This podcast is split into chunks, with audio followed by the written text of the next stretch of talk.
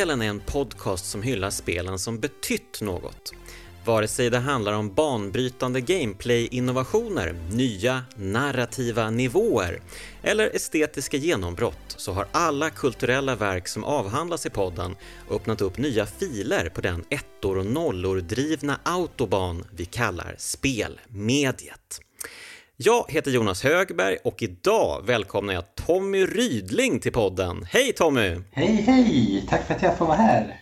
Underbart. Eh, och eh, du, du är den första gästen i Kraftspelens historia som har en egen Wikipedia-sida. Eh, grattis till denna bedrift! Ja, tack tror jag. Mm. På den här Wikipedia-sidan kan man läsa att du har varit chefredaktör för Superplay. Grattis till denna bedrift! Ja, tack. Det, det var väldigt roligt. Eh, och eh, sen dess har ju då mycket vatten passerat under de berömda broarna. Och eh, numera är du, vad jag förstått i alla fall, gameplay-designer på DICE. Mm, det stämmer. Ja, vilka, vilka spel har du innanför bältet vid det här laget? Jag har Star Wars Battlefront 1, Battlefield 1, Star Wars Battlefront 2, Battlefield 5 och eh, nu jobbar jag på Battlefield 2042. Oj, oj, oj.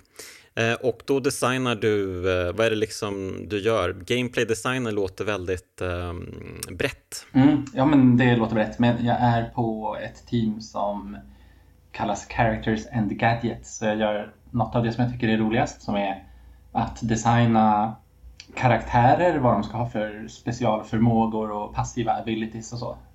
Um, så det är, Eh, det är väldigt kul. Ja, vad härligt. Och eh, ja, men det, det, känns lite det känns lite märkligt att sitta och prata med dig så här igen. Dels för att det var så himla länge sedan vi gjorde det och eh, men också för att det var ju du som, ja, i maffian talar man ju om att gangsters blir så kallade made men, upptagna i den innersta cirkeln när de är redo för det. Och det var ju du som gjorde mig till en made man i speljournalistiken en gång i tiden. Mm. Eh, grattis till det. Ja, men, eh, tack eh, och grattis till mig som eh, fick ja. jobba med dig back in the days. Det var ju på Superplay, det var jättekul. Också. Ja, men nu precis. har jag sagt att allting är jättekul. Ja, precis. Det är bra content så här långt, mm. Tommy. Mycket ja, bra. Tack.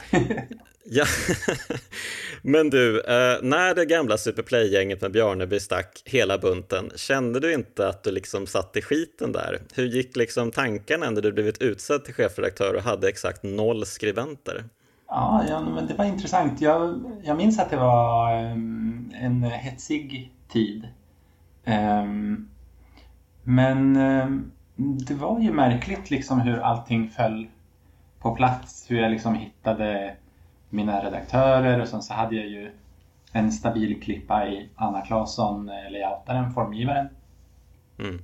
Ehm, och så fick jag ju massor med support från förlaget också. Så eh, när jag tänker tillbaks på det så minns jag eh, mest att vi hade massor med roliga roliga intervjuer och att det kom in jättemånga härliga människor som jag aldrig hade träffat förut. Och det är liksom i i retrospekt med facit i hand så tycker jag att det var en väldigt positiv eh, period i mitt liv. Att, eh, mm. att ta över tidningen och ehm, eh, jobba med alla er ehm, mm. frilansare och de nya redaktörerna. Liksom, det, var, det var väldigt positivt. Och jag tror inte att jag hade känt mig liksom erfaren nog eller sådär för att kunna söka jobb på DICE om jag inte hade varit med på den resan. Så liksom, det finns mycket som är väldigt, väldigt positivt med det.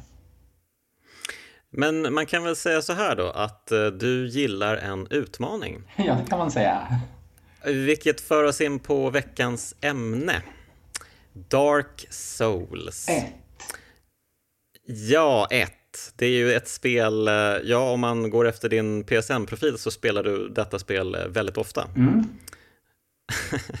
um, ja, och um, är det något som gemene man gillar att säga så är det väl att Dark Souls är svårt. Um, är det något som Dark Souls-spelare gillar att säga så är det att det inte är svårt, mm. har jag förstått. Ja, precis. så jag tänkte att du kan få köra den utläggningen nu. Varför är Dark Souls inte svårt? Mm.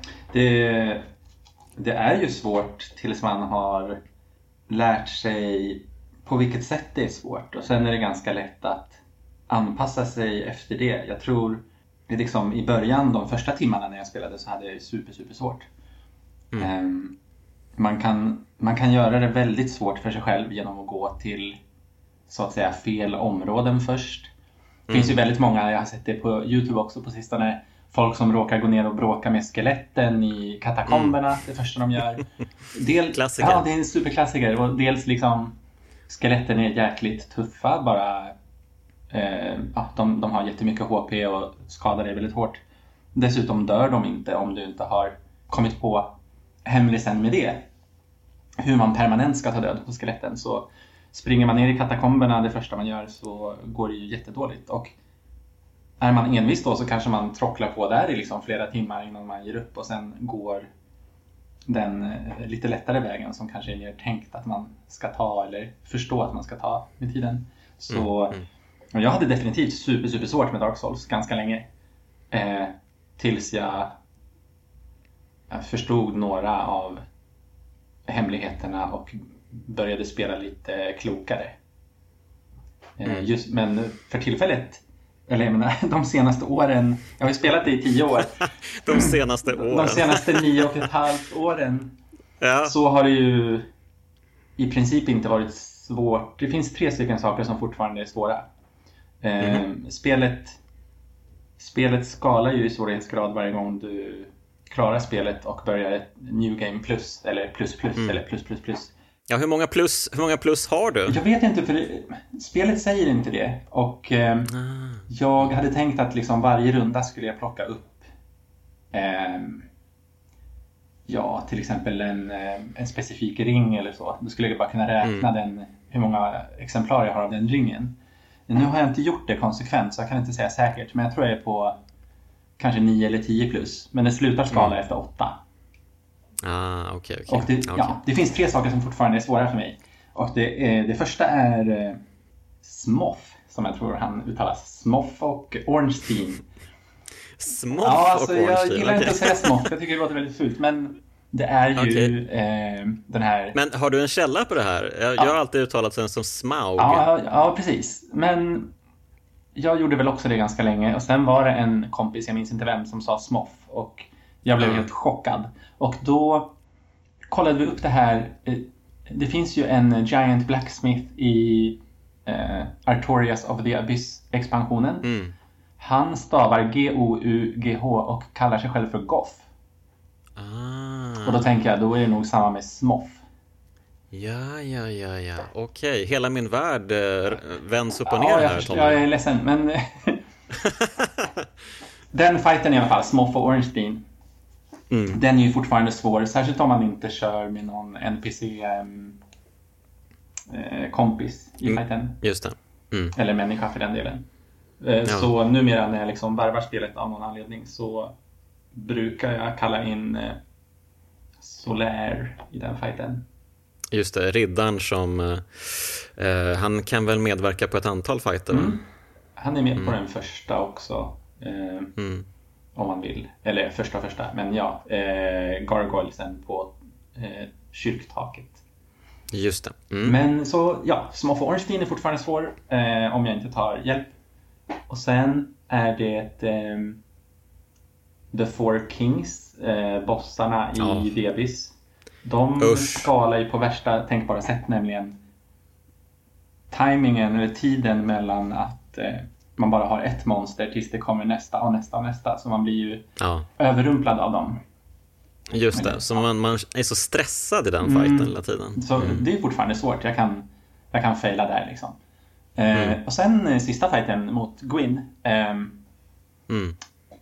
När han har skalat upp några gånger i New Game plus plus plus sådär så dör man ju om man feltajmar en parering. Då dör man. Mm. Så, eller två kanske. Så ibland om man, om man inte är på topp och man kör den versionen att man liksom ska parera ner honom så, Okej, okej. så ja, då Mm. dör man ju väldigt lätt. Men eh, jag är lite förvånad att du inte nämner något från expansionen. Ja, okej. Eh, det är klart, de är ju svåra också nästan. De är väl pissvåra allihopa, ja, de bossarna? det är de. Eh, jag tänkte nog main game only. Nej, men de är ju svåra allihopa. Ja. Eh, mm. Framförallt Kalamit-draken har jag problem med. Ja, ja, Den försöker jag inte ens på nu på liksom mm. 8 plus. Mm. Men eh, alltså, när vi spelar in det här så är ju Dark Souls nästan exakt tio år gammalt. Alltså, vi spelar in det här en vecka innan eh, födelsedagen, alltså den japanska släppdagen. Nice. Um, det är ju lite speciellt ändå. Um, och det var ju redan när det släpptes um, det här casual-korstågets antites. Mm. Um, det hade ju kommit en massa mobilspel på den tiden och dylika spel som hade liksom urvattnat lite svårighetsgraden i spel och sådär. men uh, det, egentligen så var det ju Demon Souls som kom först. Uh, men det är ju inte Demon Souls vi pratar om idag, det är Dark Souls. Varför vill du prata om Dark Souls, Tommy? Det är det enda spelet jag har spelat under tio års tid. Eh, jag, tycker det är, jag tycker det är intressant att prata lite om varför. Ehm, mm. Och det är ett av de spelen som fortfarande är lite mystiskt för mig. För att mm. Ehm, jag har fortfarande kvar saker att utforska i spelet. Ehm, mm. Vilket kanske överraskar en del människor för de kanske tänker att eh, man kan ju googla till exempel hur man klarar alla trophies eller hur man hittar allting i hela spelet. Men mm. jag har i princip aldrig googlat vad någonting betyder eller hur någonting funkar i Dark Souls. Eller pratat med någon om det. Um, ja, det är så. speciellt. Det är ja. Och jag antar att liksom, jag har gjort det för att jag kände från början att det var en väldigt speciell upplevelse och att jag ville, jag ville att det skulle vara eh, otydligt. Och, mm. eh, du ville att det skulle vara din upplevelse som du tolkade? Exakt. Och mm. eh, jag har kollat på jag har kollat på en del YouTubers som spelar Dark Souls för, för första gången och då kallar de det för så blind playthrough. kallar de det. Mm. Och då menar de att liksom det är intressant att kolla på dem när de spelar Dark Souls för första gången och inte vet inte fattar någonting liksom och de får uppleva den här coola grejen med när man sparkar ner stegen från Undead eh, Burg. Mm. Eller från eh, Jo men precis, från Undead Burg ner till eh, en Bonfire där man var för två timmar sedan liksom och får någon så här aha-upplevelse. Kan det vara så här coolt att hela världen hänger ihop helt sömlöst liksom? Mm. och, men problemet är att när de youtubersarna när de spelar sina så kallade blind playthroughs så får de ju ändå så här äh, skitmycket kommentarer från folk som de råkar läsa så att de, de missar ju inget och de, de får lära sig direkt så här, ah, du, du ska uppgradera så här och så här och välja det här vapnet och bla bla bla. Så det blir inte så blind som mm. de kanske hoppades att det skulle bli men mm. det finns ändå någonting där liksom. Um, det påminner mig lite om när jag gjorde en artikel för tidskriften Fienden och spelade vad folk kallar för tidernas svåraste spel inom ja, spelhistorien. Um, Takeshis Challenge, ett Famicom-spel. Um, och eh, de eh, slängde helt enkelt in mig i ett betongrum eh, iklädd en sån här Guantanamo orange jumpsuit-grej. Yes.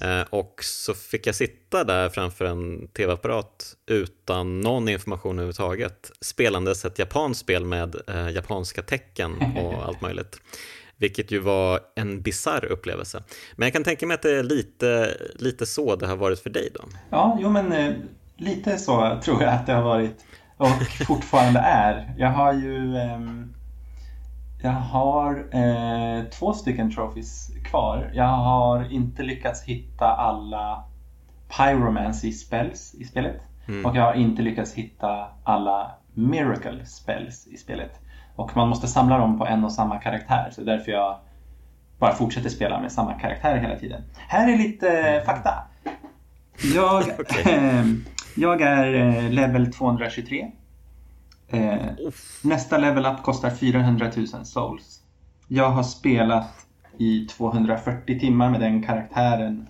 320 mm. totalt på Dark Souls Remastered eh, versionen. Sen har jag ju kört säkert 300 timmar på originalutgåvan också.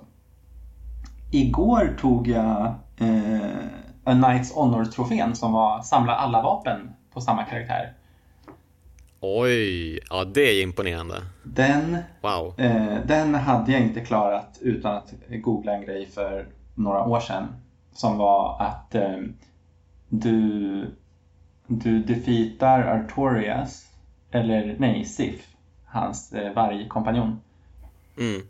Och då kan du bygga Great Sword of Artorias. Mm. Men du kan bygga två versioner av den. Eh, beroende på vilket eh, basvapen du har uppgraderat till plus 10. Och Mm. det står ingenting om det när man när man gör själva upgraden så förstår man inte att det är två olika typer av vapen.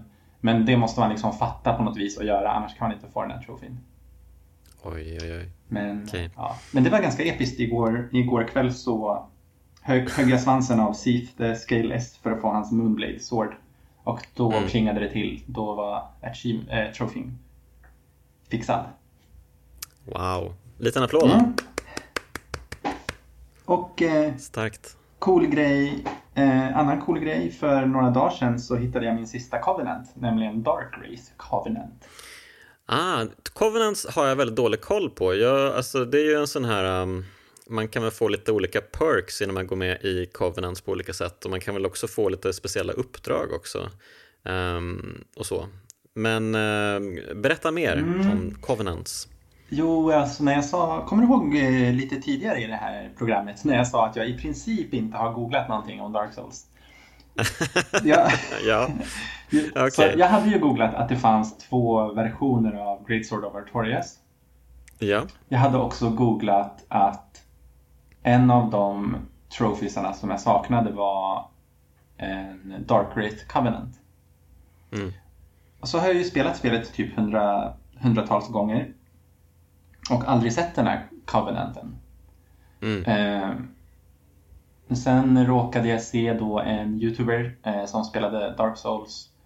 Och eh, träffade på en, eh, ja vad heter de här, som Kingseeker Framped, Primordial Serpent. Just det, var det hans brorsa eller? Ja, någon slags släktskap har de nog. Det finns en ond version då som heter Kath. Eh, och då råkade jag se att det var nere i The Abyss. Och eh, Mm. så testade jag och jag har ju testat liksom i tio år eller fem år och försöka hitta den där Kath. Ehm, men så till slut lyckades jag eh, för några dagar sedan. Fem år! Ja, men jag menar, jag har ju vetat att den finns någonstans. och Jag har haft många olika Ja, teorier. ja. Så jag har liksom väckt upp Mm. Kingseeker Frampt och slagit han i huvudet. Nej, det funkar inte. Mm. Väckt upp honom och eh, typ försökt sälja specifika grejer till honom. Eller så här, Mm. valt att säga nej till honom och bla bla bla. Men Mm. eh, ja, det var en lite annan, annan grej man var tvungen att göra för att hitta den här sista. Oj, ja, det, är, det är otroligt vilka intrikata system som eh, sitter på plats här för alla dessa vapen, covenants, ehm, eh, prylar, ehm, liksom allt du kan tänka dig. Ehm, det känns som att det liksom ligger en, en labyrint av hemligheter eh, precis, precis bakom eh, draperiet. Liksom. Ja, men det är exakt så jag känner och jag tror, jag är ganska övertygad om att de två trofisarna som jag saknar har någonting att göra med NPC interactions. Att typ, ja, prata först med den här men innan du gör det, gör den här grejen. Eller något i den stilen att ehm, mm, att det är knutet till NPCs eller, eller Covenants. Ehm, Mm. Det är lite jobbigt med Covenants att eh, om, du, om du går med i en Covenant först och sen spelar du vidare och kommer till en annan Covenant och så joinar du den då får du liksom minus på din första. Så det är, när jag spelar mina Mm, play, playthroughs nu så eh, väljer jag så ah, det här, den här playthroughen ska jag fokusera på typ eh, Stone Dragon eller Mm. Daughter of Chaos eller eh, whatever. Just det, Eh, för vissa gör ju också att man gör sig fiende med eh, vissa NPCs också. Om man går med i någon covenant eller gör någonting som man måste göra för att gå med i en covenant. Mm. Ehm, Ja, alltså vi kan ju väl spoila hur mycket som helst här egentligen. Jag får väl, vi får väl ändå anta att folk som lyssnar på det här har eh, rört vid Dark Souls på ett eller annat ja, sätt. men det var det jag tänkte på, att eh, vi kanske skulle sagt spoilervarning. för att, men det är ju, ja, vi, vi kommer ju spoila Ja, nej, men det, det tycker jag att man, det får man nog ha med sig när man lyssnar på det här. Att eh, här kommer det pratas Dark Souls på alla håll och kanter helt enkelt. Mm. Men eh, bara för att eh, eh, Eh, ändå kanske, om det nu är någon straggler som faktiskt tagit sig in här så kan man väl ändå säga lite snabbt att eh, Dark Souls typ är ett eh, actionrollspel som ser ut som ett västerländskt rollspel men är utvecklat av japaner, vilket väl ändå eh, betyder ganska mycket tror jag för själva utformningen av spelet och eh, framförallt kanske svårighetsgraden. Um, och och ehm, ja, precis som föregångaren eh, Demon Souls eh, så är ju det här ett extremt svårt spel. Men det liksom placerar ju spelaren i en helt ny värld.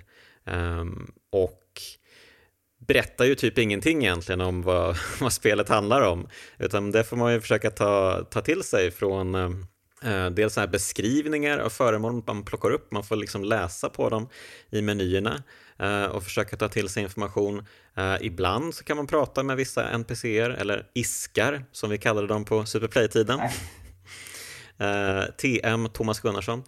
Um, och ja, och väldigt, väldigt sällan så kanske det till och med sker en mellansekvens, men det är ju väldigt far and few between.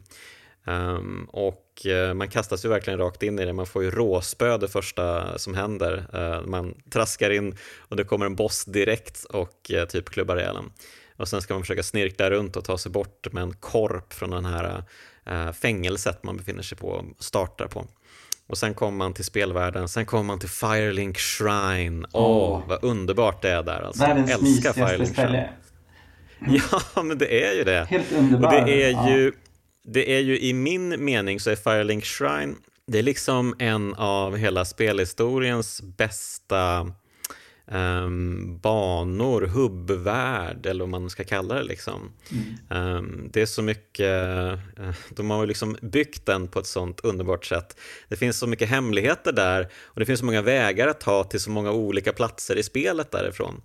Um, så att man, så fort man sätter fötterna på Firelink Shrine det är då man upptäcker hur, hur briljant designat spelet är verkligen. Mm. Um, ja. Det tycker jag, liksom när jag tänker på vad som är bäst med Dark Souls så är en av grejerna är ju hur världen hänger ihop och hur, hur det funkar med shortcuts med, från olika platser som man, eh, som man inte förstod att de egentligen var ganska nära varandra. Um, mm. Så eh, ja, men i början av spelet kommer man upp i Undead ser ut som en så här medeltida eh, slottmiljö. eh, eh, och undersöker och utforskar där jättelänge. Eh, hittar en stege som man sparkar ner och klättrar ner för. Då är man tillbaks där man liksom började eh, utforska Andedburg. Eh, och det finns jättemånga sådana situationer där man um, man kommer in i Undead Church, en kyrka eh, ovanför Undeadburg och eh, hittar en hiss som åker ner jättelångt. Och då är man plötsligt tillbaka i Firelink Shrine. Eh, då har man en genväg upp till en, en plats som det har tagit ganska lång tid och effort att hitta. Eh, och så mm. fortsätter det liksom. Och just den här grejen att du kan med, om man bortser från Honor Londo som man måste få lite så här eh, flygskjuts till av några demoner så, så kan man ju promenera eh, kors och tvärs över hela spelvärlden utan, mm. utan några laddningstider eller eh, utan att man måste så här, teleportera sig någonstans. Ja, förutom expansionen då. Ja, precis. Expansionen också. Mm. Um, yes. Men så jag uppskattar det väldigt mycket hur världen hänger ihop och mm. eh, jag, jag tycker det är roligast att spela spelet innan jag har dödat Smoth och Ornstein. Eh, när man får The Lord Vessel och kan börja teleporta överallt. Jag mm. gillar när jag behöver liksom ta bästa vägen från punkt A till B eller så här. Jag uppskattar mm. det så himla mycket. Ja, jag håller med. Jag håller med. Eh, det är just det, det är just den där resan, den där organiska resan man gör genom världen. Um, och alltid, precis som du säger i början så måste man ju, um, man måste ju um, slå de här klockorna. Det finns ju två klockor som man måste slå för att öppna portarna till Sens Fortress. Uh, och eh, den ena ehm, klockan är ju inte jätte jättesvår att komma till. Man kommer upp i Undead Church och sen så ovanför där så finns de här två Gargoyle-demonerna. Eh, man spöar dem och sen så får man slå i klockan. Eh, men den andra är ju lite av en mardröm att komma till, mm. Eh, får man ändå säga. Speciellt eftersom man ska ner genom Blight Town, en av spelets vidrigaste områden en gång i tiden för att frameraten var ju katastrofal där. Just tiden. På den gamla goda Playstation 3, eh, Xbox 360-tiden. Mm. Eh, men i remastered-versionen så har de ju tack och lov fixat till det där. Ehm, men det är ju fortfarande en ganska vidrig upplevelse i det att det är en vertikal upplevelse. Man, liksom, man färdas ju uppifrån och neråt så att man kan ju lätt bara slinka av och falla hela vägen ner och sådär. Ehm, men också att hitta dit är ju också jättesvårt. Ehm, man måste ju hitta någon, det finns väl två vägar man kan ta för att komma till Blighttown? Ja, precis.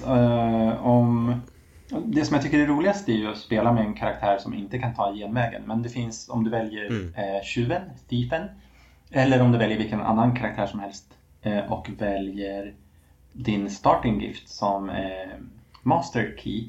Då kan du mm. låsa upp massor med dörrar lite så här prematurt och ta massor med shortcuts och eh, en av dem är att ganska nära Firelink Shrine kan du bara ta en hiss ner, ta en hiss upp. Eller, eh, jo precis, en hiss ner, en hiss upp.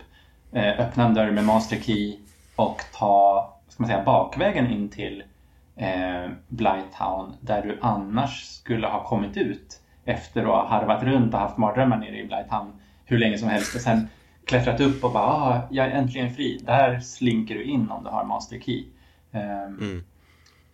Och, eh, men jag, jag, uppskattar verkligen så här, vad ska man säga, den längre vägen som innebär att du måste eh, hitta en nyckel in till ett torn där du kan eh, ta en stege ner till, eh, ja vad heter det, Lower Undeadburg eller?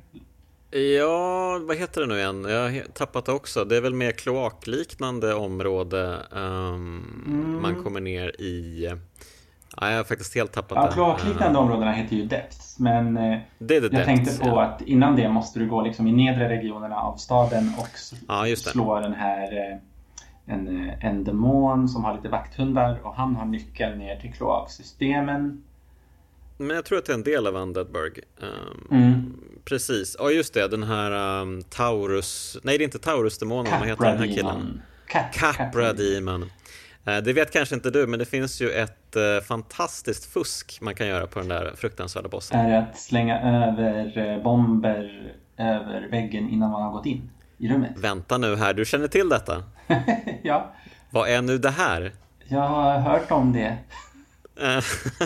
jag har aldrig utnyttjat okay. det själv alltså. Mm, mm. Okej, okay. ja men det är, ju, det är ju en ganska trist boss. Ja. Eh, man, blir ju, man springer in eh, och det är väldigt tajt utrymme och han svingar ju stenhårt med sina svärd och sen är det två hundar också. Mm, superjobbiga hundar. Eh, ja, usch. Ingen kul boss, men precis. Och sen så tar man ju sig ner och slåss mot den här vad heter den, Centipede Demon tror jag den kallas. Uh, men den ser väl ut som ett gigantiskt könsorgan. Ett ah, du... kvinnligt könsorgan. Uh, Gaping Dragon tror jag. Men Gaping Dragon heter den, just det. Menar. Uh, ja, just det, så var det. Mm. Och då får man nyckeln till Blighttown och då kan man klättra ner till Blighttown från katakomberna. Så det är en väldigt lång väg mm. man måste ta um, för att komma dit och kunna ringa den andra klockan. Eh, mm. Jag gillar den resan. Den är så, den är så, eh, den är så ospecifik och vag. Liksom, första mm. gångerna man spelade så tog det ju jättelång tid innan man förstod hur allt det där hängde ihop. Mm. Ja men eh, precis, första gången, alltså jag önskar ju att jag kunde gå tillbaka i tiden och bara radera hela hårddisken i huvudet och liksom starta om Dark Souls på nytt från första gången. För just där, den där första utforskandet, det var ju magiskt verkligen. Det här är att man verkligen utforskade varenda vrå, varenda liten um, genväg, varenda liten höger och vänstersväng och så såg man att oj, där uppe finns någonting, kan man komma dit på något sätt? Och man tittade sig omkring i världen um, och verkligen finkammade den på ett sätt som jag inte riktigt varit med om tidigare i spel. Mm. Uh, man ville ju verkligen se och upptäcka allt. Och så fanns det låsta dörrar lite här och var som man inte förstod hur man skulle eh, approchera. Eh, och sen kunde man liksom hitta nycklar på alla möjliga sätt liksom, hos en, en köpman eller från en boss och sådär. Liksom.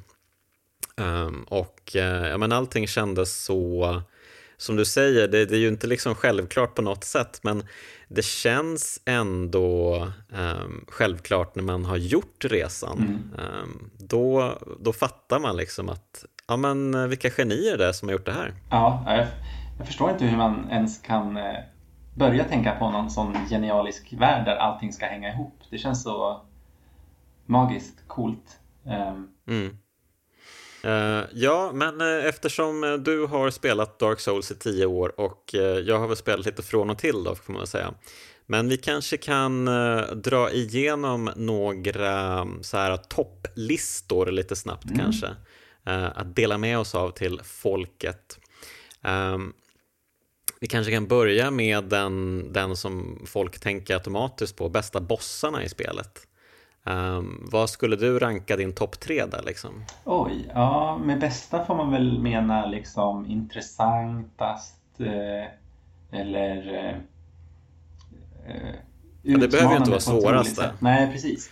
Nej men eh, måste, man måste väl säga Small for Ornstein, alltså det känns som att även om man hade liksom spelat bra och känt så här, ah, jag har, jag har, um, jag har liksom dechiffrerat Dark Souls nu. Jag tuffar på, så kommer man till Anorlod och mm. Smoff Ornstein och då blir det väldigt, väldigt obehagligt för att det går, det går jättedåligt oftast när man kommer dit. Oh, yeah. Så mm. på den tiden var det liksom den tröskeln man behövde komma över och det kommer vara man kommer alltid minnas den perioden i en Dark Souls-karriär liksom när man mm. stångade sig blodig mot de där eh, karaktärerna. Så det måste ju mm. vara liksom den måste ju ja. vara på topp tre tycker jag. Ja, verkligen. Jag håller med. Ehm, de är ju så... De kompletterar ju varandra så bra, Ornstein och eh, Smoff. Ja. Eller hur man ska uttala det. Uh, fan vad konstigt det känns. Ja. Um, men alltså Ornstein är ju den här uh, uråldriga, um, vad kallar de honom? Är någon sorts Dragon, Dragon Slayer, bödel? Ah, Dragon Slayer, precis. Dragon Slayer, exakt. Så han är ju en av de här uh, fyra uråldriga kämparna. Um, det finns någon lore där bakom liksom, yes. man kan läsa på jättemycket om de här. Uh, och uh, precis, och då är ju Smoff, han är ju bödeln. Ja, han är executioner, ja precis. Ja, exakt, sin jättehammare. Eh, och Smoff är ju stor och långsam och svingar sin superhammare som ett städ. Och Ornstein, han är ju smidig och har ett spjut och helt galen, galna attacker fram och tillbaka och susar liksom fram på spelplanen. Och sen är ju själva banan väldigt bra uppbyggd också i det att det finns så här kolonner, raka kolonner i raka led som kan krossas av smoff antar jag. Mm och eh, kan liksom, man kan få tillfällig respit men så förstörs eh, banan samtidigt så att man, man är inte säker på något sätt. Eh, och sen när man väl har lyckats eh, döda en av dem så tar ju den kvarvarande bossen ehm, den blir ju ännu tuffare för då liksom plockar den ju på sig, assimilerar den andra bossens eh, kraft så att eh, Smoff, han får ju de här eh, elektriska attackerna. Ja, och eh, Ornstein får ju Smoffs storlek. um, och eh, det är, ju, det är ju vansinne om man eh, dödar Smoff först och låter Ornstein springa runt. Ja, man brukar inte rekommendera det för eh, Nej. första gångarna. Men det råkade bli så för mig på senaste rundan. Ah, eh, okay. Och min NPC-kompis dog. Så jag fick ta Ornstein, eh, Super Ornstein själv. Men det gick, Ja. det gick ganska bra. Oj, men det, det är ändå, då känner, man, då känner man sig tuff alltså. Ja. Då, då är man på topp. Ja, så det måste ju vara liksom, den eh, fighten måste ju vara på topp tre. Mm. Eh, vad har vi mer för grymma fighter där? Jag tänker... Ja, men ja, får jag flika Ja. in en eh, kille kanske? visst. Vi kanske kan göra en gemensam topp tre Ja. kanske.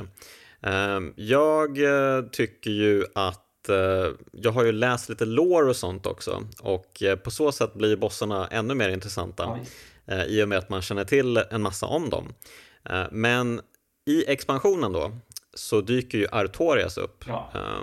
Och han är ju en fantastisk karaktär tycker jag. Det finns ju en sån tragisk backstory kring honom. Eh, I det att han, har, han var verkligen den stora hjälten som blev eh, eh, korrupt, eller han blev korrupterad av den här mörka eh, Abus-energin liksom. Som eh, Manus, den här slutbossen i den här expansionen, utsöndrar på något sätt. Ehm, Ehm, och det finns ju en sån eh, fin historia, dels kring det, men också kring Artorias och eh, hunden, eller vargen Sif, eh, som man ju möter um, hyfsat tidigt i originalspelet. Men som, det är ju en fruktansvärd strid för att man inte vill slåss mot den här fina, fina vargen.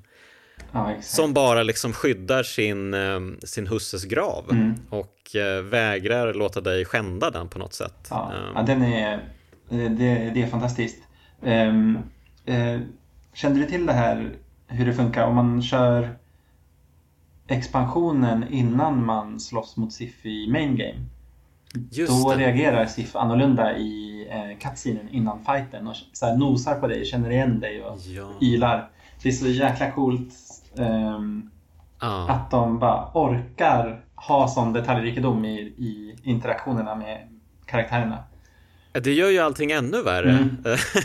för då förstår man ju, ja, Sif känner igen mig precis som jag känner igen Sif. Mm. För att om man har spelat expansionen innan så har man ju stött på Sif. Eh, För expansionen utspelar sig ju eh, bakåt i tiden. Exakt. Ehm, Så man åker ju, jag vet inte hur många hundra år eller vad det nu kan röra sig om, men långt tillbaka i tiden på en annan plats som heter Ulasil ehm, där då den här Artorias-riddaren har fångats. Ehm, Och ehm, man stöter ju även på Sif här om man tar sig in i ett eh, hemligt utrymme som finns eh, eh, innan, ja, det är väl innan manusstriden tror jag, Mm. lite längre fram. Mm. Och då är ju hunden inte alls lika stor, eller vargen, den är inte alls lika stor som den blir sen i eh, huvudspelet när man möter den. Då är det ju bara en liten eh, vargunge liksom. Mm. Eh, som är liksom, det sista Artorias gjorde var att skydda sin varg från liksom the abyss mörker och sådär. Eh, och eh, om man befriar eh, Sif så kan ju eh, eh, hon, tror jag, eh, hjälpa till i fighten mot manusen också. Just det. Så att eh, det, det är så många fina detaljer där eh, kring det här.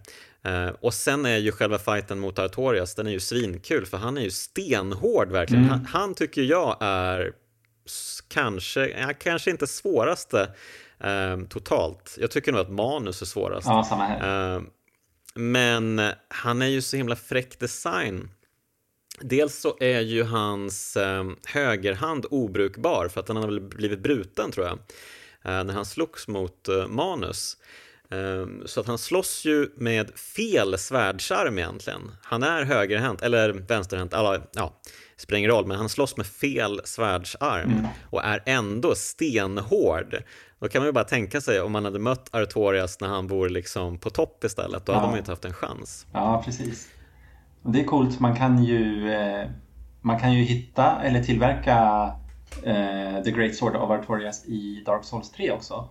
Eh, Mm. Men om man left-handar en i Dark Souls 3 så kan man inte använda hans specialmove som är att han liksom gör en somersault och sen dunkar svärdet i marken. Så man måste ha Ah. svärdet i höger hand i Dark Souls 3. Tyvärr. Åh, underbart, fantastiskt. Mm. Mm. Ja, Okej, så du har... Eh, så Jag skulle nog peta in Artorias på topp tre. Och Sif, eller? Ja, alltså Sif är ju en upplevelse. Det är ju ingen jättesvår bossstrid på något sätt. Eh, men man kanske ändå får se dem som ett, eh, en, en, liksom, en bossstrid som hör ihop på något sätt. Mm. Um, så man kanske inte ska separera dem. Nej, jaha, men då har jag samma topp två som du har just nu. Då måste vi ha en till. Alltså Gravelord Nito, den är ju lite fräck men den är ju jättelätt. Så att den kan man ju ja, inte riktigt... Jag, alltså jag hade inte lätt för den eh, i, i början när jag spelade Dark Souls. Det var mm. ju, man var ju tvungen att ha ett Divine Weapon för att ta hand om skeletten men sen ville man inte ha det mot Nito själv för att man hade ju något annat bra vapen. Så det är svårt just för de här eh, när han hugger svärdet genom marken och jag hade problem med ah, tajmingen där och hej och Så jag hade nog ganska svårt där. Jag, jag gillar den, men vi, vi kör vidare. Eh, du pratar ju om Seath the Scaleless, mm. men han är ju också ganska lätt tycker jag. Så länge man har liksom Curse, eller vad är det för? Eh, curse um, Resistance, ja. Curse Resistance, precis. Uh, har man bara det så är det ju ingen fara. Precis, så man tar gärna Nito först, för där ligger Paladin Armor som har jättebra Curse Resistance. Mm, men, okay, okay. men nej, fighten i sig är ganska så här tråkig tråkig. Liksom. Man går bara fram och hugger lite och sen backar man. Ska fram och hugger. Ja. Men en, en fight som har någonting annat än bara svår fight är väl den här Crossbreed Priscilla mm. som man stöter på i The Painted World of Aramis. Um, den här kvinnan med lien mm. som blir osynlig och som man måste liksom kolla hennes uh, fotavtryck i snön. Ja, precis för att kunna mm, bulta loss på. Ja, den är cool. Den är också cool för att hon blir väldigt så här, eh, besviken på en. För att man, man kan bara gå förbi henne och hoppa hem till sin vanliga värld. Eh, mm. Men om man vill kan man ju mucka med henne och liksom fightas med henne. Eh, och hon bara mm. vad, vad är det du letar efter liksom? Varför slåss du med mig? Eh, och då får man dåligt samvete. Mm. Så ja, jag gillar den verkligen. Mm. Uh, ja, men uh, alltså...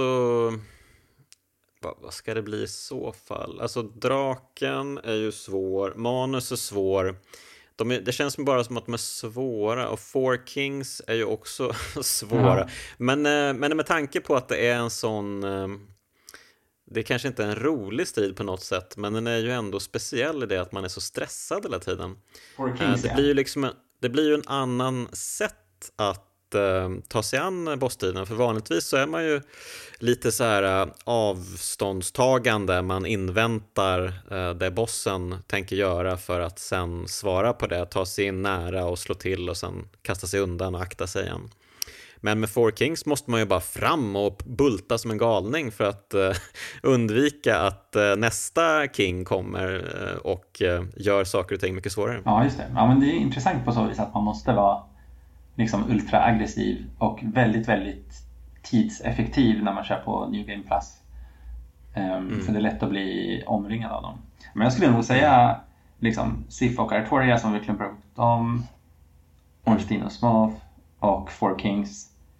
Det är mm. de som Alltså de utmärker sig verkligen tycker jag.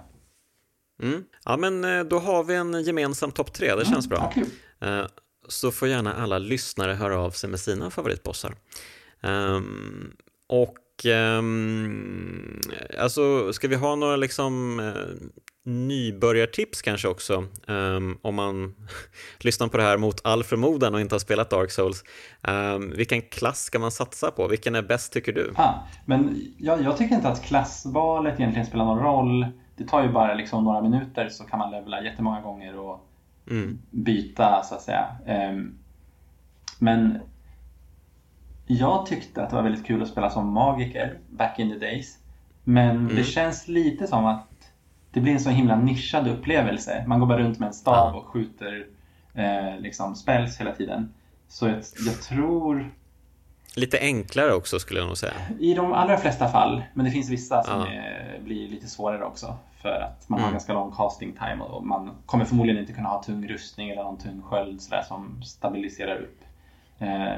Men eh, eh, på något vis känns det som att jag skulle vilja rekommendera att inte spela Magiker första gången. Det känns som att man får en mer så pure Dark Souls-upplevelse om man kör typ så här riddare med svärd och sköld eller någon mm. så här bandit som kanske kör med lite lättare armor och satsar mycket på att så här, göra combat rolls istället för att ha tung sköld.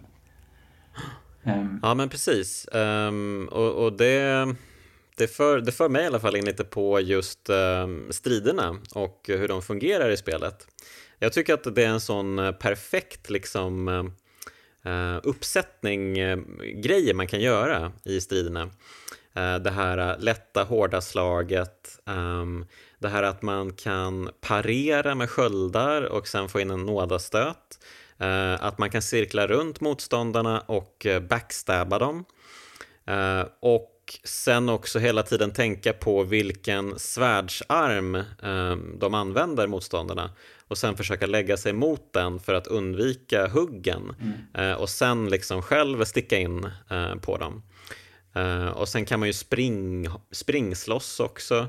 Um, undanmanövrar, hoppa åt sidan, hoppa bakåt, hoppa fram och slå till.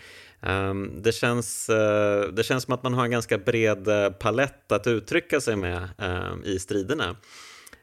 och man måste nog ha alla de här sakerna med sig för alla strider är ju inte lika, de är ju ganska Eh, speciellt när man kommer upp i Undead Parish som jag tror det heter, som du sa Undead Church.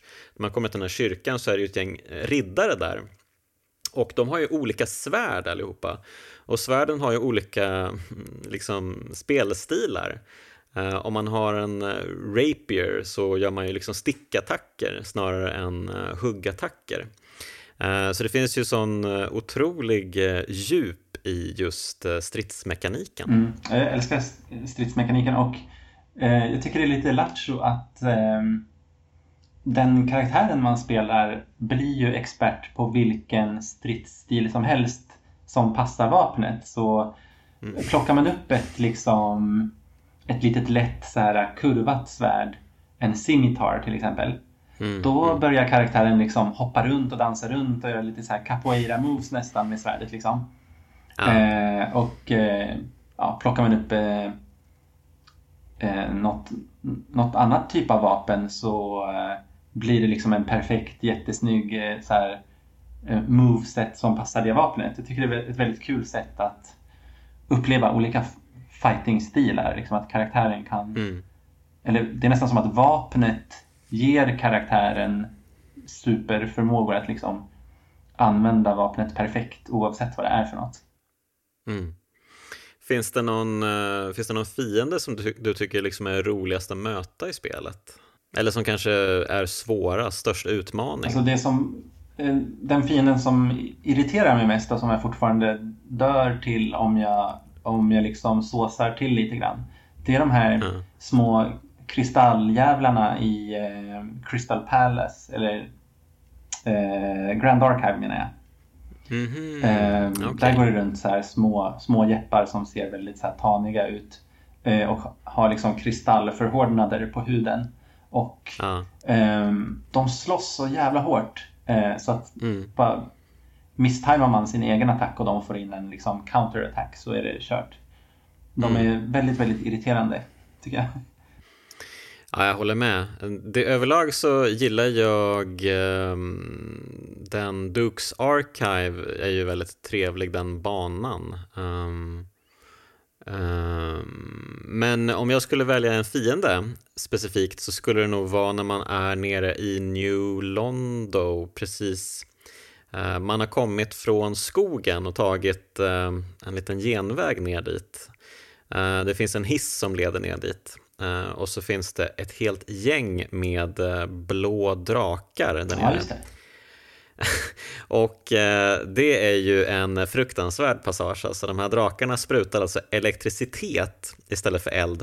Um, och gör flygande attacker och kan bita en. Och det värsta är att de kan gang up på en också. Mm. Och det är, ju det, det är ju just den grejen som gör Dark Souls så bra. Eh, man kan ju absolut springa genom strider och ta sig liksom vidare till nästa Bonfire. Men om man inte vet vad som väntar runt nästa krök och bara liksom pilar på, då är man ju körd. För att dels så följer fiender efter um, och, och tar den i ryggen. Um, dels så är ju um, när, man, när det liksom är mer än två fiender samtidigt så är det ju svårt nästan oavsett vilka, strid, vilka fiender det är. Um, så man måste ju vara liksom strategisk och locka fram fiender en i taget och sådär. Um, eller ja, vara ex extremt badass går ju också såklart. Men, uh, men jag tycker det är intressant att de har byggt, uh, men inte bara det, utan själva bandesignen också gör ju mycket. Liksom. Mm. Hur fienderna liksom befinner sig på höjder och kastar bomber ner på en och uh, samtidigt som man slåss mot andra fiender nere. Liksom. Um, det finns så många olika variationer på striderna i världen. Fantastiskt. Ja, det är fantastiskt. Ska vi prata om eh, favoritvapen?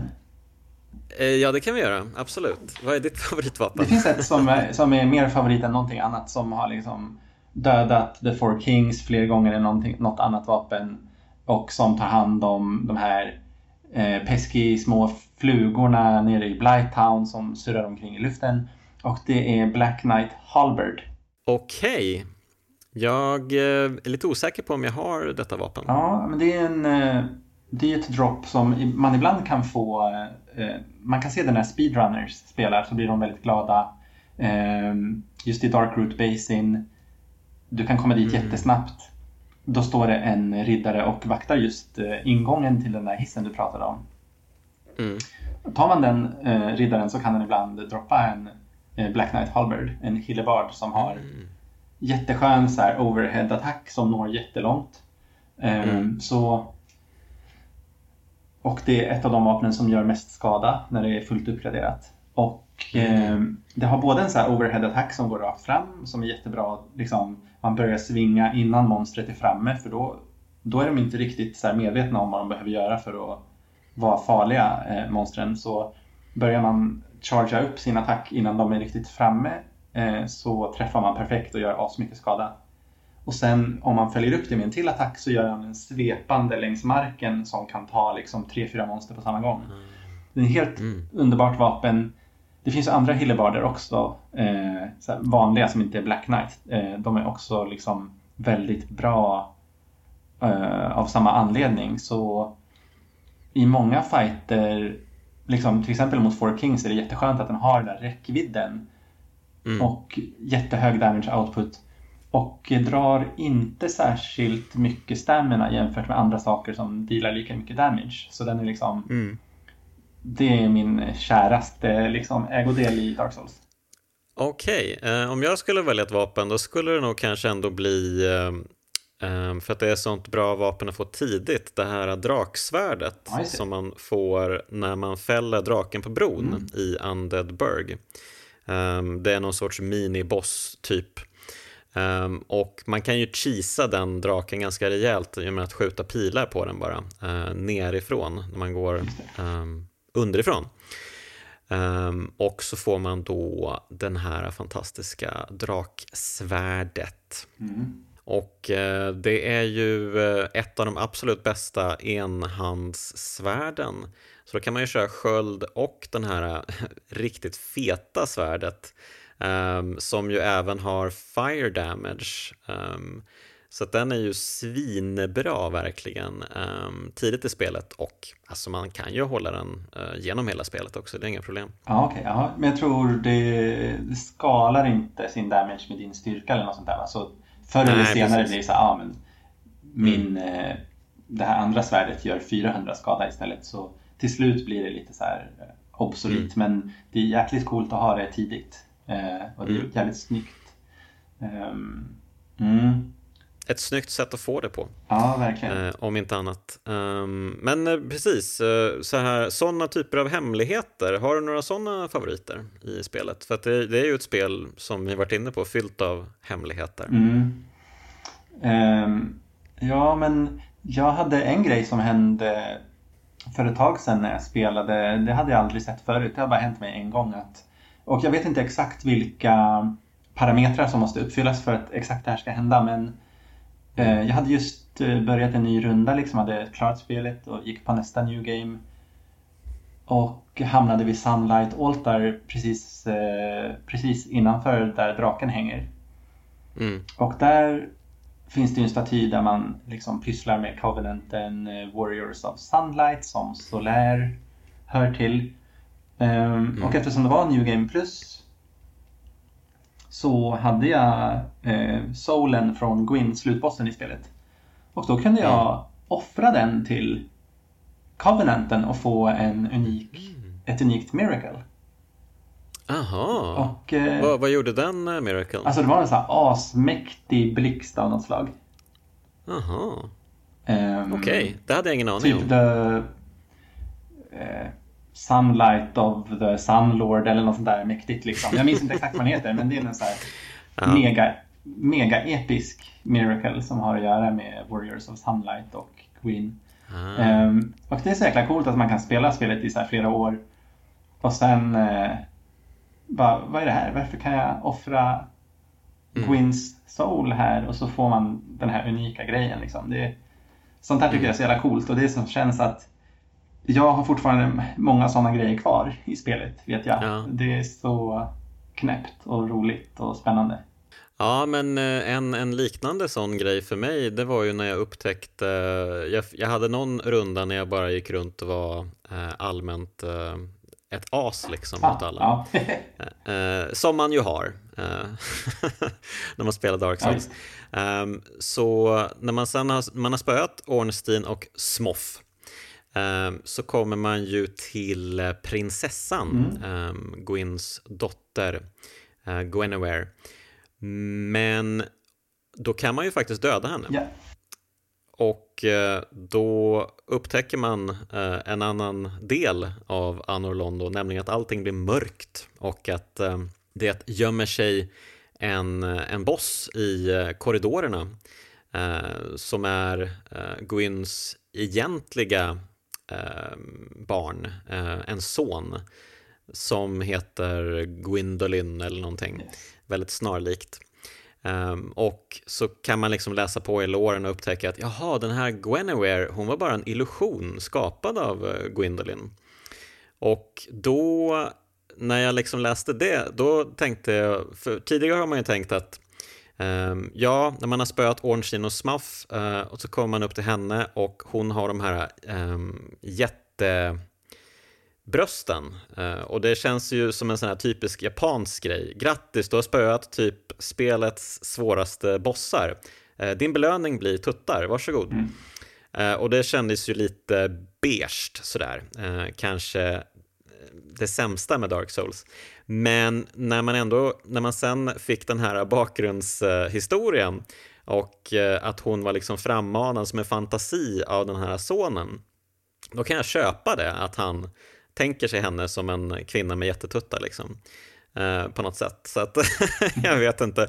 Det, det känns som att eh, oh, jag gjorde liksom en, en 360 i tankarna där eh, kring hela eh, den, eh, den biten. Ja. Eh, så att det var väldigt fint. Tack för det Dark Souls. Men du, ska vi ta och ehm, kanske konkretisera saker och ting? Ja. Ehm, jag undrar, Tycker du att Dark Souls har förändrat spelvärlden på något sätt?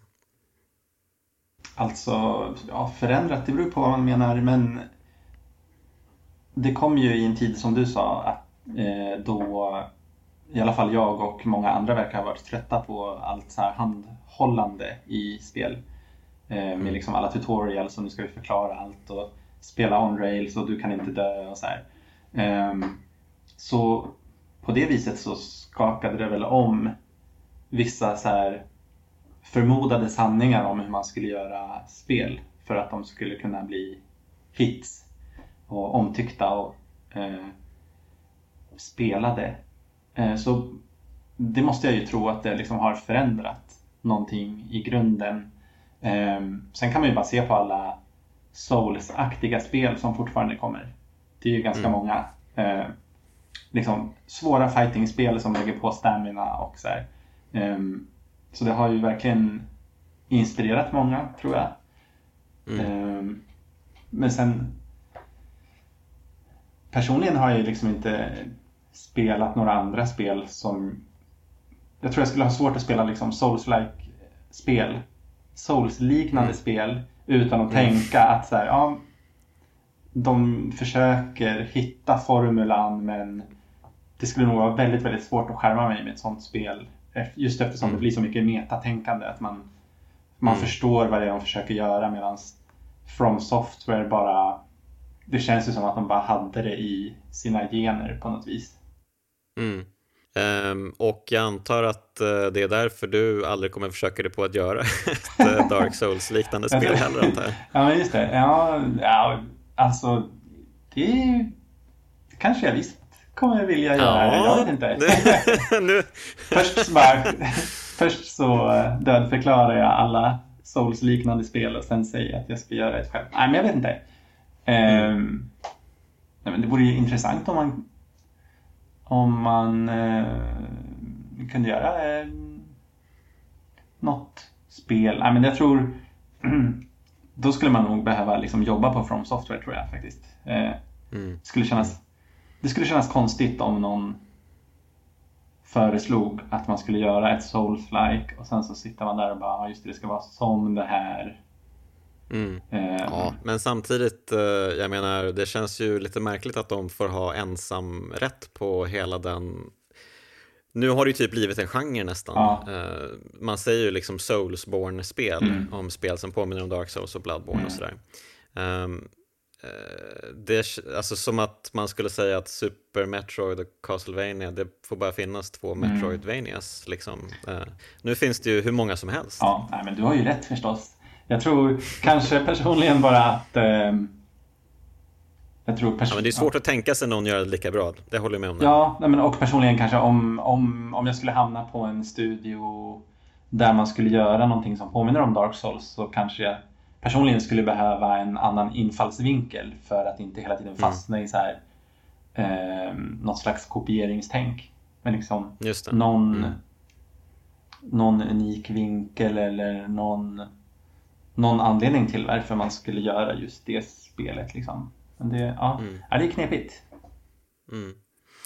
Eh, men vi har ju varit inne på det, men det, jag vill ändå höra det. Um, varför tycker du att Dark Souls är ett viktigt spel? Varför har det liksom en uh, solklar plats i the Pantheon av uh, game design? Ja, ja, jag tycker att det är för att de de har en, en värld som känns väldigt konsekvent rakt igenom och som makar sense i sitt sammanhang där man kan, om man vill, kan man skärskåda varenda detalj och lära sig jättemycket lår och eh, ha teorier om hur olika saker hänger ihop. Men man kan också bara ta det som ett enklare pang på-spel där man bara ska bli bra på att slåss. Mm. Ehm, men framförallt så lämnar det så mycket frihet till dig som spelare att utforska i din takt eller eh, hitta olika sätt att ta dig an problem. Och eh, just frånvaron av pekpinnar eller handhållande gör ju att eh, det blir en sån jättestor äventyrskänsla som, mm. som jag inte har upplevt i något annat spel tror jag. Ja, men jag håller med och eh, jag tycker ju att det är väldigt intressant just med den här lore-biten och eh, att det finns en sån stor community kring Dark Souls. Eh, det är ju så otroligt många som gör videos om spelet, som hjälper till med de olika wikis som finns om spelet. Så på så sätt påminner det mig lite om Minecraft i det att det är liksom spelarna som skapar en annan del av spelet, som bygger ut spelet ja. um, väldigt um, organiskt och uh, uh, gemensamt och, och uh, det, det liksom ehm, det finns någonting extra där um, som vi som spelare tar vid och bygger vidare på. Um, bland annat finns det en fantastisk YouTube-konto uh, som drivs av någon som heter Vati Vatividya eh, som bara har så här fina lore-videos eh, och berättar om allt eh, i spelet, alla personer i spelet och allt som sker i spelet och handlingen bakom och hur mycket som helst verkligen. Så man kan verkligen drunkna i all den här eh, fantastiska liksom, bakgrundsinformationen eh, som är väldigt otydlig i själva spelet. Um, så att de liksom förklarad av läsaren eller av spelaren och sådär. Mm, det är jättefint och jag gillar också den här grejen. eh, Jag trodde aldrig jag skulle liksom sitta och titta på Youtube när andra folk spelar spel som jag har spelat. Jag har ju Mm. i princip inte gjort det förutom i Dark Souls. Just när Mm. folk upplever Dark Souls för första gången eh, tycker jag är väldigt fascinerande att se på hur de tacklar problemen och, ehm, och sen tycker jag också att det är väldigt kul att ibland kolla på olika typer av speedruns eller challenges. Ehm, Mm. det finns ju inga inbyggda challenges i spelet eh, rent konkret. Men det finns ju gömda challenges som typ eller implicerade challenges som i att man kan starta som en depraved som är typ naken förutom ett höftskynke och har en liten så här träpåk och en planka som sköld. Eh, Plank shield. Och eh, så det roade jag mig med um, häromdagen och spela igenom spelet utan att någonsin ta på mig någon rustning och så hade jag bara eh, samma svärd rakt igenom. Oj! det var väldigt kul. Men det är ju ingenting mot vad riktiga liksom, Youtubers gör med, med speedruns eller no-hit-runs. Det finns ju ti- till och med någon som har spelat eh, Demon Souls, Dark Souls, Dark Souls 2, Dark Souls 3, Bloodborne och Sekiro i sträck utan att någonsin ha blivit träffad av en fiende. Och det är ju en sjuk bedrift. Det är helt sjukt. Wow, och så finns det ju andra galningar som har spelat med typ eh, bongotrummor Mm. och liksom alla möjliga konstiga, liksom gitarren från en Guitar Hero och sådana där saker. Liksom. Ja, precis. Eh, eller eh, eh, ja, en annan klassisk grej är att aldrig levla upp sin karaktär. Men spelet ändå. Wow, det är, det är imponerande. Ja. Herregud. Ehm, ja, jag kom bara på att jag måste ju nämna innan vi slutar ehm, just hur fantastiskt jag tycker att Anor Londo-området är. Du pratade lite om det, men det är ju en sån ynnest efter att man har kämpat genom hela spelet eller hela spelet, man har kämpat genom halva spelet kanske, eh, i de här katakomberna och nere i Blight Town och nere i de här giftträsken, eh, lava, all möjlig skit liksom. Um, och sen så kommer man upp till den här upphöjda staden och där solen liksom strålar, skär ner genom molnen och skapar ett sånt fantastiskt ljus över hela scenen. Det är en sån eh, magisk upplevelse verkligen.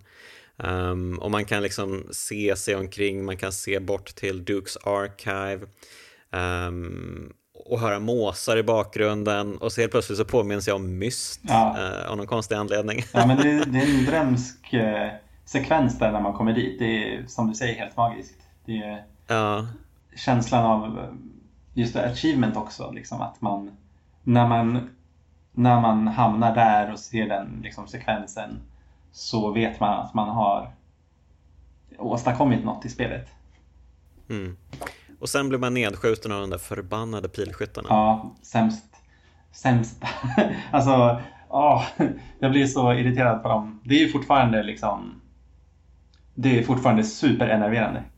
Ja men precis, även om jag har spelat igenom spelet eh, kanske fem sex gånger så eh, fortfarande när jag kommer till den här sektionen när man ska springa upp för den här smala, eh, jag vet inte ens vad man, man ska kalla den, pelaren som går upp mot, ehm, ja, eh, en liten smal eh, sträcka helt enkelt i alla fall. Ehm, och tra- trampar man fel så ramlar man ner genom molnen och dör. Eh, man ska springa upp och så är det samtidigt två pilskyttar, framförallt en pilskytt som skjuter rakt på en och eh, de här feta pilarna som tvingar en bakåt eller om man blir träffad utan att blocka så eh, faller man liksom definitivt ner. Ja, det är sånt fruktansvärt, den lilla biten liksom. Oh. Jag tänkte, alltså jag håller med. Och jag, jag tycker det är sån... Om man ser det liksom ur spelet som helhet så är det en, ett så konstigt designbeslut att ha med Mm. den sekvensen som känns som att man kanske gör någonting fel.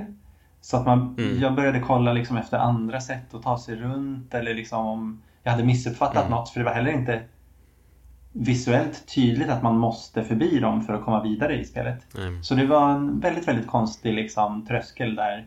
Ehm, och Mm. även när man vet att man har klarat det hundra gånger förut så finns det alltid några gånger då man liksom blir träffad av den här pilen och ramlar ner och förlorar Mm. 200 000 souls. Och det var jobbigt, liksom, jobbigt att prata om det. Men för, Mm. så när jag började kolla på Youtube, så här, folk som spelade, då räknade jag nästan med att, eller så här, trodde jag nästan att de hade någon alternativ lösning på att ta sig förbi. Sådär. Men det är bara Ja. springa upp och slåss. Liksom. Ja. Ja, men eh, man kanske kan få lite hints om man kör online och de här meddelandena som dyker upp eh, längs vägen. Jag vet inte, spelar du online mycket? Ja, absolut. Jag kör online hela tiden. Jag tycker det är kul. Men eh, det brukar bara stå Mm. typ try poison. Och Ah. det kan jag bara tolka som att man ska skjuta dem med poison arrows. Men Antagligen. jag vet inte exakt när och varifrån. Det, det jag har lyckats med någon gång är att springa upp halvvägs längs den här spången eller vad det är. Och eh, Mm. sen sidesteppa fram och tillbaks där. Du, du, du. Och sen mellan hans fetingpilar så skjuter jag en av mina små pilar. Eller när jag var Mm. magiker så sköt jag soul arrows. Och det funkar ju att ta död på honom och då man måste Mm. bara vara extremt säker på var man står på den här spången. Just det. Ehm, och sen finns det ju en annan pilskytt bakom en där också när man kommer upp eh, där. Mm. Som man också måste ta hänsyn till. Ja, precis. Man får inte gå för långt bak där liksom. Så det... Ja, det är riktigt jobbigt. ja. mm. Verkligen. Ja, men just online-delen är väl kanske värd att nämna innan vi slutar också. Hur man kan kalla in folk och hjälpa till i eh, bossstrider. ehm, hur man kan bli invaderad ehm, av eh, elackingar som är ute efter eh, att eh, jävlas lite. Ehm, men ja, man ska ju då vara människa. Eh, humanity på något sätt eh, ska väl ha inträffat. Och det där är ju också, en, alltså det finns ju så många olika system i det här spelet. Det här att man är undead, man blir människa. ehm, man, och sen så finns det massa andra så här soulstones grejer. Ja, ja, ja, ja, det är så mycket man måste ta hänsyn till eh, i det här spelet. Mm. Wow. Det, de har ju... Jag tycker de har förbättrat många aspekter i liksom senare spel, framförallt Dark Souls 3 där eh, du kan använda Ember för att bli typ human när du vill. Du behöver inte gå till en eh, Bonfire för att göra det. Mm. Så om du kommer till en eh, boss area i Dark Souls 3 så kan du bara, ah, men förresten jag ska kolla om det finns några summoning signs här och så embrar man. Ehm, så det är väldigt mycket smidigare på så vis. Eh, ja, Tommy, jag antar att du kommer fortsätta spela Dark Souls eh, ännu ett par år. Eh, Ja, jag har de där, jag har ju två trophies kvar som man måste fixa på något vis. Men eh, det är just Dark Souls, alltså tvåan och trean känner du inte samma ehm, kärlek för? Nej, ehm, alltså trean är ju, trean är ju magiskt bra. Det är ju ett fantastiskt spel. Eh, Mm. Och de har ju fixat som sagt många grejer som var väldigt clunky, liksom onödigt clunky i ettan. Du kan ha fler vapen equippade, du kan eh, liksom bli human när du vill om du har resursen. Ehm, och Mm. framförallt när du har en boss soul så kan du gå till en karaktär i Dark Souls 3 och så säger den så här, ah, du kan få det här eller det här. Vad vill du ha? Du behöver inte lista ut hur vapenuppgraderingssystemet funkar, uppgradera vapen på måfå och sen se så här, det blev inget. Eller typ, jaha, det blev det här. Um, så de har ju fixat otroligt mycket i Dark Souls 3 men ettan kommer ju alltid vara liksom den titeln som är förknippad med mest um, så här upptäckarlust och förundring och um, Mm. världsdesignen är ju coolare i Dark Souls 1 än i framförallt otroligt mycket coolare än i tvåan som är väldigt så här, äh, fragmenterad. Men också coolare än trean där man teleporterar från början av spelet. Så du, du får inte alls samma så här värld som hänger ihop på samma sätt som ettan och det är en av de grejerna som jag uppskattar mest. Så Mm. jag känner inte samma behov att så här, ah, jag måste ta alla trophies i tvåan och trean utan av någon anledning är det liksom the original som jag har som jag är fast i. Ja, men eh, jag förstår ju varför verkligen. Det är ju det bästa spelet eh, From Software har gjort. Kanske i konkurrens med Bloodborne, um, möjligtvis. Mm. Uh, vi får se om Elden Ring kan leva upp till hypen. Jag har lite svårt att tro det. Ja, jag, jag är försiktigt skeptisk. men... oh, försiktigt skeptisk till och med. Ja. ja. ja. Men, men, men. Du, är det någonting du tycker att vi har glömt här? Att prata om Dark Souls? Nej, alltså jag ville bara berätta apropå att jag klarade Knights Honor Trophyn häromdagen. Mm. Mm. Så var det så sjukt att liksom eh, jag slogs mot några Boulder Knights i Undead Church. Ja. Och så droppade de ett svärd som jag aldrig har sett förut som var så här Boulder Side Sword. Och jag måste utgå Aha. från att det svärdet behövdes för att uppfylla tro trofin. Så det var ett så himla konstigt moment. Jag bara, vad är det här för svärd? Jag har aldrig sett det förut. Det var, mm. det var bara så, så coolt så jag var tvungen att berätta det. Ja, vad härligt. Man blir aldrig för gammal för att vara riktigt nördig kring tv-spel. Så är det. Um, och uh, jag får väl helt enkelt säga tack till dig Tommy för att du var gäst i Kraftspelen och pratade om Dark Souls. Tack så mycket, det var jättekul. Ah, mitt fjärde jättekul! Ja, hur många jättekul är för många jättekul? Det är en fråga som vi alla tar med oss från det här avsnittet. Tack för att du lyssnat och eh, ett stort tack till de eh, fina, fina pojkarna i Bitpopbandet 047 som gör kraftspelens signaturmelodi. Ja, det finns väl bara en sak för er att göra ni som lyssnar. Ta er in i Dark Souls och hämta kraft från detta kraftspel så hörs vi igen nästa vecka.